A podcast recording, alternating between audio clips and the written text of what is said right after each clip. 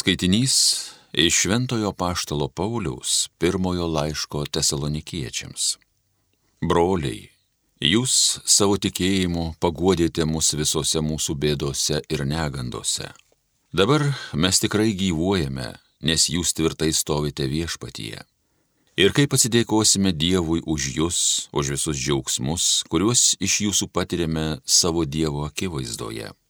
Dieną ir naktį karštai maldaujame, kad mums būtų leista išvysti jūsų veidus ir papildyti, ko dar stinga jūsų tikėjimui. Jis pats, mūsų Dievas ir Tėvas, ir mūsų viešpats Jėzus, te praskina mums kelią pas jūs. Viešpats te praturtina jūs ir te pripildo meilę vienų kitiems ir visiems, kaip ir mes jūs mylime, kad jūsų širdys būtų tvirtos ir nepeiktino šventumo mūsų Dievo ir Tėvo akise kai ateis mūsų viešpats Jėzus su visais savo šventaisiais. Tai Dievo žodis.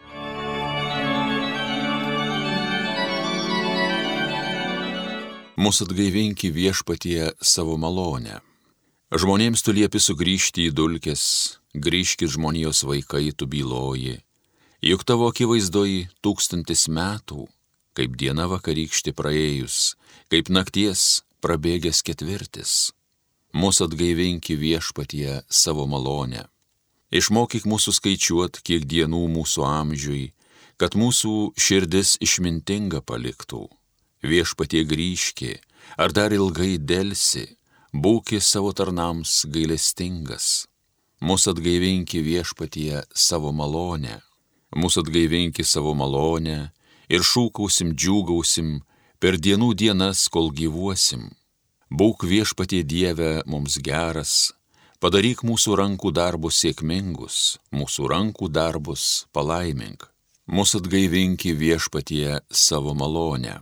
Alleluja, alleluja, alleluja. Budėkite ir būkite pasirengę nes žmogaus sūnus ateis, kai nesitikėsite. Alleluja, alleluja, alleluja.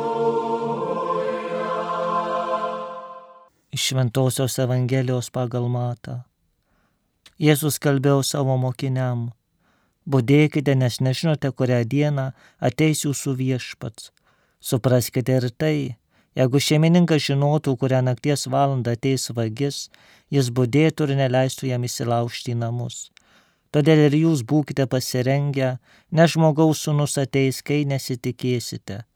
Kas yra ištikimas bei protingas tarnas, kurį šeimininkas paskyrė savo metu maitinti šeimynos.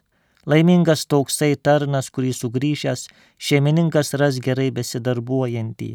Iš tiesų sakau jums, jį paskirs valdyti visų savo turtų. O jei anas tarnas bus blogas ir tars pats savo, mano šeimininkas neskuba grįžti ir pradės mušti savo draugus, valgyti, ūšti su girtuokliais, to tarno šeimininkas sugrįž vieną gražią dieną, kada jis nelaukia ir tokią valandą, kurią jis nesitikė. Iš šiaurė nubausi ir paskirs jam dalį su veidmainiais, ten bus verksmas ir dantų grėžimas.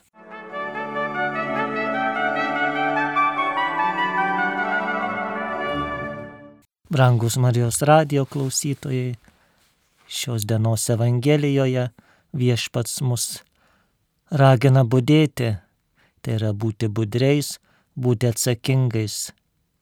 Šios Evangelijos ištraukos dažniausiai skaitomos prasidant Advento liturginiui laikotarpiui, kuomet bažnyčia kviečia prisiminti, jog viskas yra šiame pasaulyje laikina ir tai, kas turėjo pradžią, turės ir pabaigą.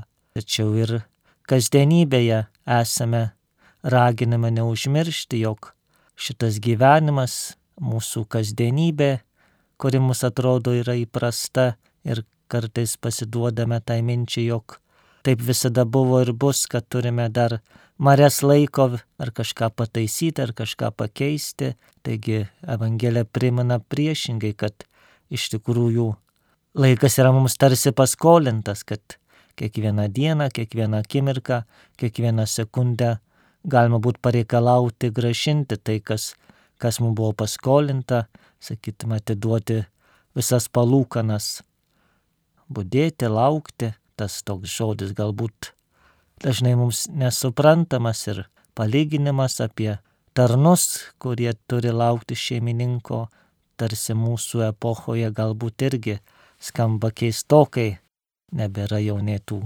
grafų, nei, nei kunigaikščių, nei, nei dvaro tarnų, kurie galbūt tik serialuose arba istoriniuose romanuose skaitome ir girdime apie juos, tačiau tas laukimas, būdėjimas yra būdingas kiekvienam žmogui.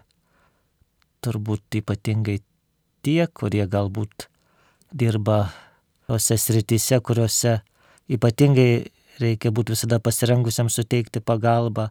Taip, pavyzdžiui, ir medicinoje greitosios pagalbos gydytojai arba prieimimo skyrius, kur tikrai gali bet kada iškviesti, bet kada atvežti sunkų ligonį, sakytume, gaisrinėje, kuomet irgi gali iškvietimas į gaisrą būti gesint bet kada, kitose įstaigose, tikrai kuomet yra tas darbas, nors atrodo, kad viskas ramu, tačiau negali atsipalaiduoti. Tad ir mes krikščionys esame kviečiami atlikti, ką turime atlikti. Būdėti tai nereiškia, kad turiu sudėjęs rankas, sėdėti ir žiūrėti pro langą, kada ateis Jėzus iš kurios pusės, ar iš, ar iš vakarų, ar iš rytų. Tačiau būdėti tai reiškia daryti tai, ką turiu daryti, bet prisiminti, jog dėl ko tai darau, kokia mano paskirtis yra šioje žemėje. Turbūt dauguma pirmosios komunijos ėjome, rengėmės jai, prisimename iš to vaikiško katekizmo arba vyskopo Paltaroko paruošto katekizmo, kur paprastais sakiniais paaiškinamos tikėjimo tiesos. Tai sakoma, jog žmogaus tiklas ir yra taip nugyventi žemėje, kad po mirties patektume į dangų. Tikrai nieko daugiau nesugalvosime, nieko daugiau prie to nei pridėsime, nei atimsime. Tad turime to nepamiršti, jog ar, kaip sako Paštas Paulius, ar ar valgome, ar geriame, ar kažką darome, ar, ar miegame, ar, ar dirbame, ar linksminamės, ar keliaujame, ar sergame, visose situacijose viską turime daryti, kad būtų garbė Jėzaus vardui, tai yra, kad tikrai visi mūsų veiksmai būtų ir žmonėm nauda, ir Dievui ant garbės, kaip senoviškai posakis yra. Tai nereiškia, kad krikščionis ar tikinti žmogus tikrai visą dieną turi skaityti šventąjį raštą, ar bažnyčios sėdėti, tai nereiškia, kad negalima atostogauti, negalima lisėtis, negalima švesti, tačiau tai reiškia, jog turime tikrai būti visada žinot, kas esame, kur esame ir kad, kad tikrai esame atsakingi, atsakingi už savo elgesį, atsakingi už savo pasirinkimus. Tikrai ta didžiausia velnio apgaulė turbūt ir yra, kad jisai kartais sako, visada turėsi laiko, turėsi laiko atsiversti, turėsi laiko pasikeisti, turėsi laiko atsiprašyti, turėsi laiko atlikti išpažinti, turėsi laiko nueiti į bažnyčią, bet kuomet ateina toji valanda, kuomet esame ar būsime pakviesti stoti viešpaties akivaizdon, staiga pamatysime, kad to laiko nėra, o jeigu ir laiko turėsime, pamatysime, kad visai ne, nenorime nei melstis, nei į bažnyčią, nes nei kažką kitą daryti, nes būsime atpratę, nes visada kažkokie darbai atsiras, visada atsiras kažkokie užsiemimai ir visada atsiras kažkas, kas norės mus atitraukti nuo Dievo, nuo krikščioniško gyvenimo kelio.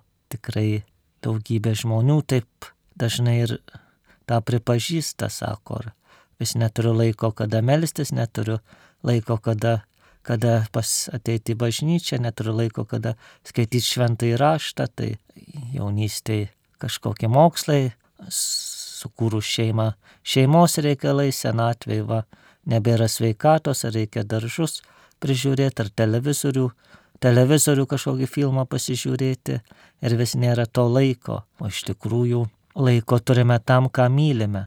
Jeigu kažką, kažką mėgstame, kažką mylime, tam neskaičiuojama laiko, ar tai būtų žmogus, ar kažkoks pomėgis, tikrai visada surandame tam laiko. Tad jeigu mylime Dievą, mylime tikėjimą, visuomet jam rasime laiko, visuomet rasime minutę pasimelisti, padėkoti Dievui, visuomet atrasime sekmadienį ateiti kada į mišes, tai tikrai mylintis širdis visada randa to laiko, tad turbūt turėtume būti ir savo, ir, ir Dievo akivaizdoje nuo širdus.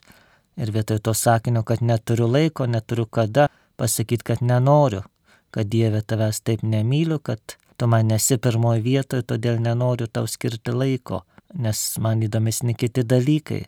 Tuomet tikrai būsime nuo širdus ir tiesoje ir gal galėsime paprašyti viešpatė, bet padėk, padėk man atrasti tau laiko, padėk man pirmiausia tave pamilti, pamilti maldą, pamilti šventasias mišes, pamilti visus kitus gerus dalykus, kuriuos Dievas mums duoda šiame pasaulyje. Tad tikrai šiandien ir melskime viešpatės, kad, kad išmokytų mus teisingai naudoti šį laiką, nes tikrai gyvenimo pabaigoje, ar jeigu viešpats ateis, pamatysime, kiek to savo laiko išvaistėme nereikalingim dalykam. Ar sakysime, investavome ne į tuos, ne į tuos dalykus, kurie visiškai net nešė pelno.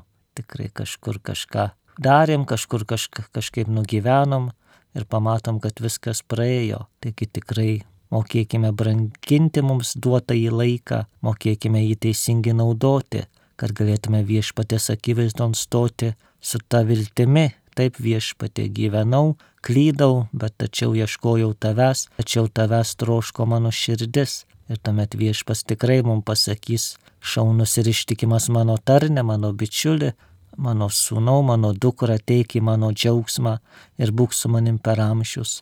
Amen.